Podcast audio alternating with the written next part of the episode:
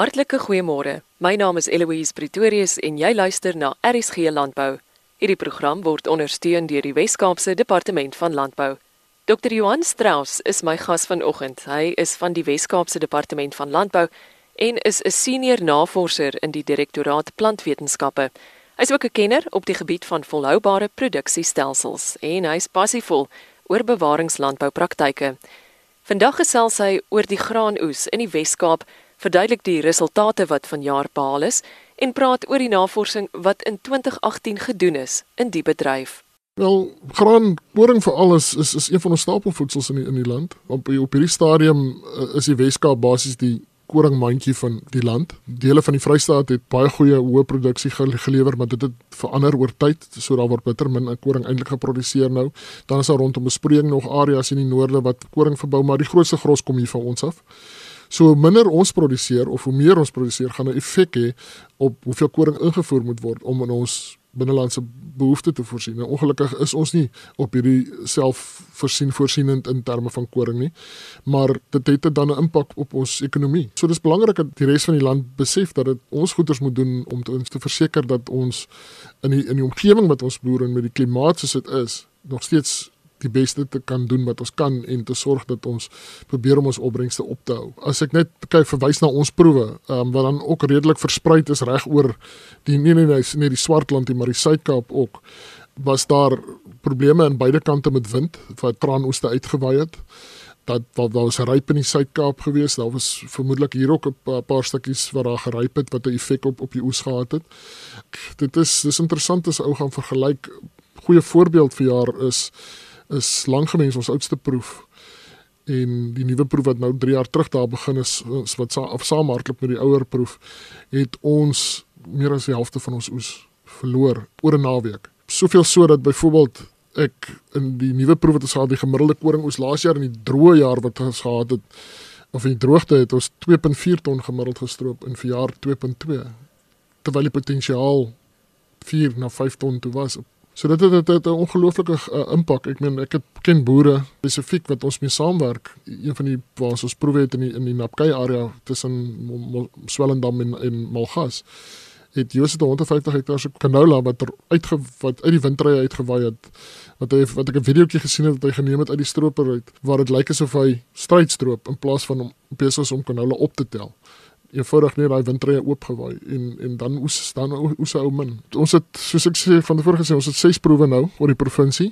So 3 in die Swa in, in die Swartland en 3 in die Suid-Kaap en as ons nou uit die Suid-Kaap uit aan die mees oos ooste kant van die proewe is daar by Riversdal op die vlaktes. Die proef is nou al sedert 2002 aan die gang en daar's 'n boeredag wat saam met dit ontwikkel het wat baie goed bygewoon word en vir jaar en laas jaar het ons 126 mm reën gehad daar in die produksieseisoen. Vir jaar was dit was dit 'n bietjie beter, maar ons het weer 'n laat begin gehad.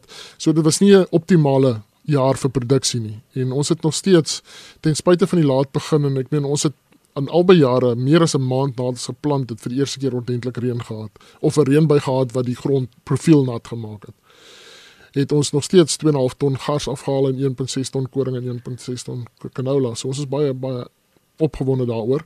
Dit was selfs beter as as laas jaar se oes en ek het dit nie verwag nie want ons het nie hierdie jaar regtig materiaal op die grond gehad na die swak oes van laas jaar wat daai vog kon binhou nie. Ehm um, as jy nou meer Kaapse kant toe kom, is die volgende proef in uh, in die Napkei, daar het ons ook baie slegte reën um, reënval gehad en ons het op die end besluit om die proef eerder as hooi te sny in plaas van om te oes want met die droogte daar ander probleme soos onkruide deurgekom op die nuwe kamp waar ons is wat ons eerder wou bekamp nou as wat ons 5 jaar down the line nog steeds met daai onkruid probleme sukkel. So ons het um, dit alles hooi gesny en dan Tuigroek is ons een naaste aan aan by rivier so 'n end is een naaste aan die aan die Kaap, kan ek amper sê van die proewe in die Suid-Kaap en daar het ook nie 'n baie goeie reënjaar gehad nie, bietjie beter as laas jaar ook, maar ons het regtig goeie oeste afgehaal in in terme van die jaar.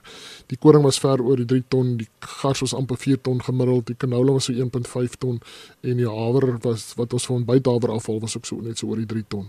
So was dit baie opgewonde daaroor. Sou Swartland nou weer, dit was al die potensiaal daar om 'n goeie oes af te haal, 'n regtig goeie goeie oes af te haal. En soos ek sê, die wind ons het, het ons in 'n naweek se tyd het kaarte kom die mekaar krap het ons daar lê 2 plus ton op die grond. Ons ons het foto's geneem waar jy letterlik nie 'n 50 sent stuk kan neersit sonder om dit op 'n op 'n saadkorrel neer te sit nie. Sommige net so vir interessantheidshalwe om vir mense 'n idee te gee, as jy een korrel koringkorrel per vierkante sentimeter het en die 1000 korrel se massa is of jaar met die vetkorrel se sê maar so 43 gram. Dan praat jy van 4 ton wat op die grond lê. Johan, jy praat van 4 ton wat op die grond lê. Vertel my meer oor nog potensiële nagevolge en nog oor vanjaar se graanoes wat die publiek nie van weet nie. Nou dit het in die rente het, het het nagevolge met al die klip en die strooi en die goed sukkel kan ou net optel as ek nou net 'n groot stofsuier gehad het wat so 'n stroper kon gewerk het en net oor dit ry en die pitte opsuig kon ons dalk nog 'n plan gemaak het maar dit is nou nie die geval nie en so nou het ons die voordeel van diere wat in die in die wisselboustelsels 'n rol speel.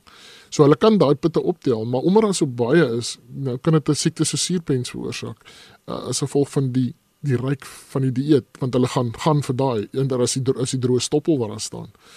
Dan daar nog 'n nagevolge volgende jaar omdat ons nie somer reën kry nie, is daar nie ontkieming van daai goed nie. So ons kan moet wag tot die eerste reëns kom. Daai wat nou as 'n onkruid is, of die opslag van die van daai pitte wat op die grond lê, moet eers doodgemaak word voor ons kan plant want anders kan jy dalk beland met opslag in jou in jou gewas wat jy nie kan uit uitkry nie en en dit dan weer weer 'n impak hê op jou oes op die einde van die jaar in in terme van kompetisie en van van gradering.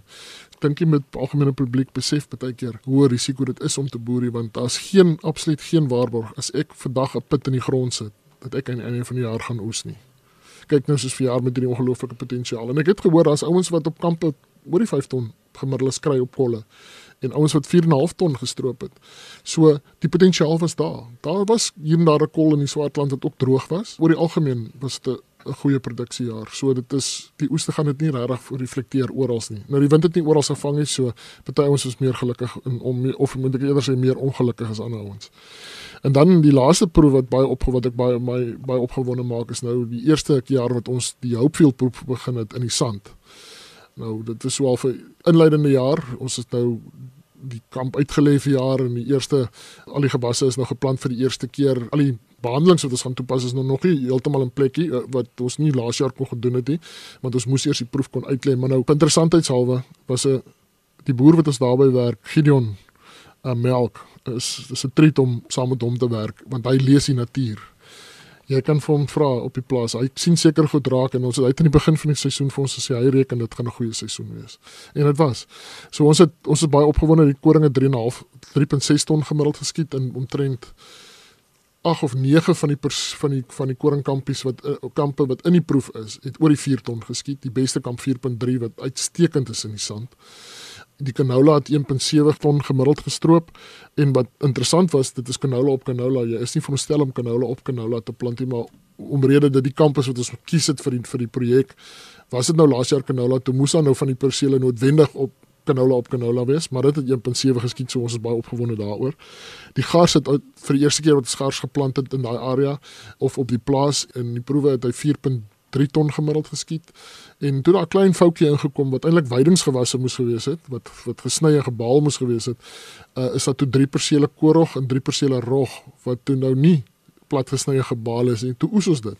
Toe skiet die rog 2.8 ton gemiddeld per hektaar en die korog of die triticale 4.1 ton gemiddeld. So dit was was 'n reg ongelooflike jaar. Wat interessant was, ons het 'n in een van die stelsels het ons 'n gemengde dekgewas ingebring as 'n as 'n beweidingsgewas omdat ons een van die van die behandelings is is geen bewerking. Hulle rip nou nog van die die sandgrond so af en toe om van om kompaksie ontslae te raak en ons wil toe nou probeer wys met die navorsing gaan ons probeer wys of jy skoon CA of bewaringslandbou kan doen op die grond. So ons het nou die mengsel gehad wat onder andere ertjies en pele en ander pele ingehaat het en raduise en en die raduise in die sand dis natuurlik daar's niks wat hulle keer hulle praat van tillage radish nou van daai goed het ek dra nommer 12 skoen en en hy was omtrent twee keer my skoenlengte wat hy in die grond as 'n ploeg dan gedien het. So die die boer self was so opgewonde oor die mengsel, hy het selfs video's gemaak en um, en wat hy beskryf wat aangaan wat hy sien. So dit dis lekker as as mens as mens navorsing doen en en jy kan so saam met die produsente werk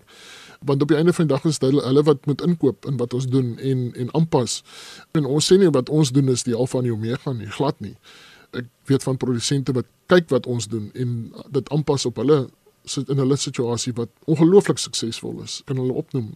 Maar dit is lekker as mens so en die goeie terugvoer wat jy kry van van produsente wat maak dit moeite werd om te doen wat ons doen. Ek dink die, die deursettingsvermoë is van van ons produsente is vir my 'n riem onder die hart. Die ouens byt vas en en met al die dramas wat aan die gang is, hoe positief hulle nog is. Dit maak dit vir mense die moeite werd en ek dink ons ons landbou is, is gesond in terme van die praktyke wat ons doen. Ek sal graag sien hopelik sal die die manne wat nou in die noorde besig is met bewaringslandbou uitbouing groot sukses sal bereik en dat meer en meer van ons noordelike produsente ook sal begin deelneem aan aan, aan die pret, maar dat ons in 'n lekker bedryf is is waar. Volgens Johan is dit ook hoogmode onder boere in ons land om etiese praktyke te handhaaf. Verseker. Definitief ons ons produsente of die produsente wat ek in aanraking mee kom is regtig eties in hulle optrede. In terme van die etiek wat hulle wat hulle oefen is hulle is bewus dat wat hulle doen 'n impak het op die omgewing en dat hulle kyk om hulle praktyke met met tyd te verander om om meer omgewingsvriendelik te wees en dit is 'n dis nog nog 'n groot dryf nou oor see ook. Daar is baie goeie voorbeelde in Amerika.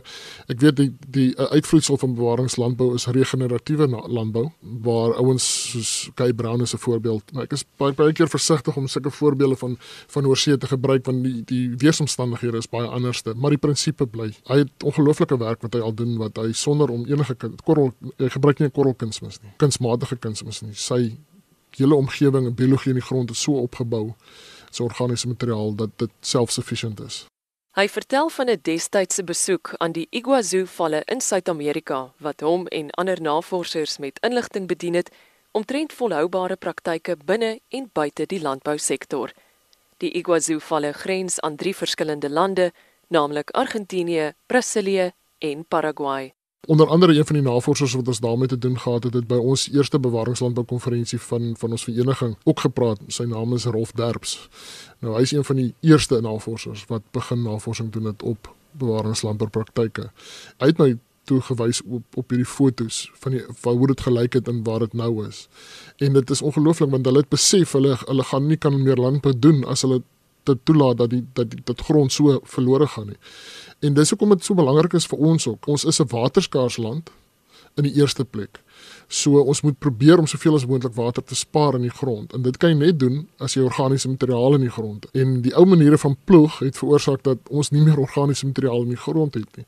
Ek meen ons proewe op langgewens het begin met minder as 0.5% koolstof in die grond. So organiese materiaal is belangrik en die laaste syfers in dis artikel in 20, 2007 as ek reg onthou hier in Suid-Afrika was dat ons 3 ton boergrond, vrugbare boergrond verloor vir elke ton mielies wat geproduseer word. Dit kan nie volhoubaar wees nie. Ons moet dink aan ander praktyke. Winderosie, ek meen as jy kyk hoe die wind waai met daai stofstorms, dis kaalgrond wat dit veroorsaak. Dit dan Dr. Johan Strauss van die Wes-Kaapse Departement van Landbou, senior navorser in die Direktoraat Plantwetenskappe en kenner van volhoubare produksie.